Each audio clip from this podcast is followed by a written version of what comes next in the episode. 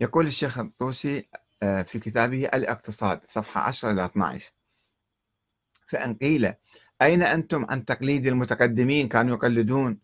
قلنا التقليد إن أريد به قبول قول الغير من غير حجة من غير دليل يعني وهو حقيقة التقليد اللي نعنيه أنه من دون دليل. فذلك قبيح في العقول لأن فيه إقداما على ما لا يأمن كون ما يعتقده عند التقليد جهلا لتعريه من الدليل. ما في دليل وهو مقلد ذاك الآخر. والإقدام على ذلك قبيح في العقول. كل عقل عاقل يقول هذا قبيح. ولأنه ليس في العقول تقليد الموحد أولى من تقليد الملحد. خذ واحد ملحد وناس يقلدوه أنت الله ما موجود. لا والعياذ بالله مثلا. هذا يقلد وهذا يقول الله موجود هم بالتقليد الأعمى. ما يصير لازم أنت تفكر تنظر.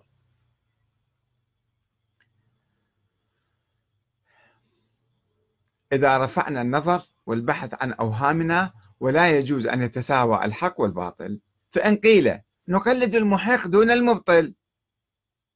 قلنا العلم بكونه محقا لا يمكن حصوله إلا بالنظر. تشبه لك هذا مذهبك صحيح وهذا المرجع أو المجتهد أو العالم والمفتي يتكلم بصورة صحيحة. غير شوي تفكر حتى تعرف أنه هذا إيه، كلامه صحيح وعقيدته صحيحة ويجوز تقليده أو ما يجوز.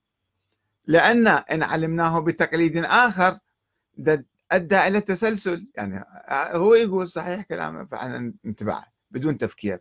وإن علمناه بدليل فالدليل الدال على وجوب القبول منه يخرجه من باب التقليد. هذا ما صار تقليد.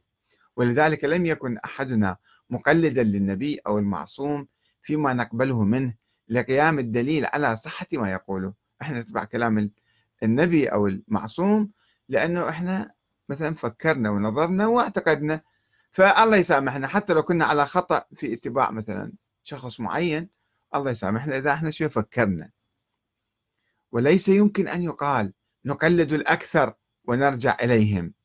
الأكثرية يعني الحق مع الأكثرية. وذلك لأن الأكثر قد يكونون على ضلال بل ذلك هو المعتاد المعروف أن الأكثرية هم على ضلال. ألا ترى أن الفرق المبطلة بالإضافة للفرق المحقة جزء من كل وقليل من كثير؟ ولا يمكن أن أن يعتبر أيضا بالزهد والورع. هذا عالم زاهد ورع عابد. مو معناته كلامه صحيح. هذا الشيخ الطوسي يقول لأن مثل ذلك يتفق في المبطلين. أيضا عندهم زهاد وعباد كل الأديان والمذاهب. فلذلك ترى رهبان النصارى على غاية العبادة ورفض الدنيا مع أنهم على باطل. فعلم بذلك أجمع فساد التقليد. فإن قيل شوف شلون الشيخ الطوسي يبحث المسألة مفصلا يعني. فإن قيل هذا القول يؤدي إلى تضليل أكثر الخلق وتكفيرهم. آه، كلهم صاروا على باطل. لأن أكثر من تعنون من العقلاء لا يعرفون ما يقولونه من الفقهاء والأدباء والرؤساء والتجار وجمهور العوام ولا يهتدون إلى ما يقولونه وإنما يختص بذلك طائفة يسيرة من المتكلمين اللي عندهم نظر وبحث. وجميع من خالفهم يبدعهم في ذلك.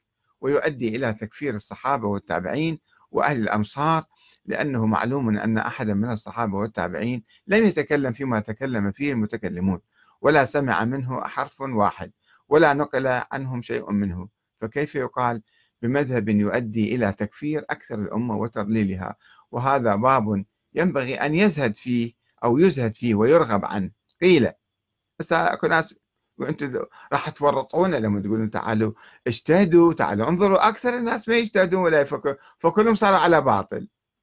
قيل هذا غلط فاحش وظن بعيد وسوء ظن بمن أوجب النظر المؤدي إلى معرفة الله.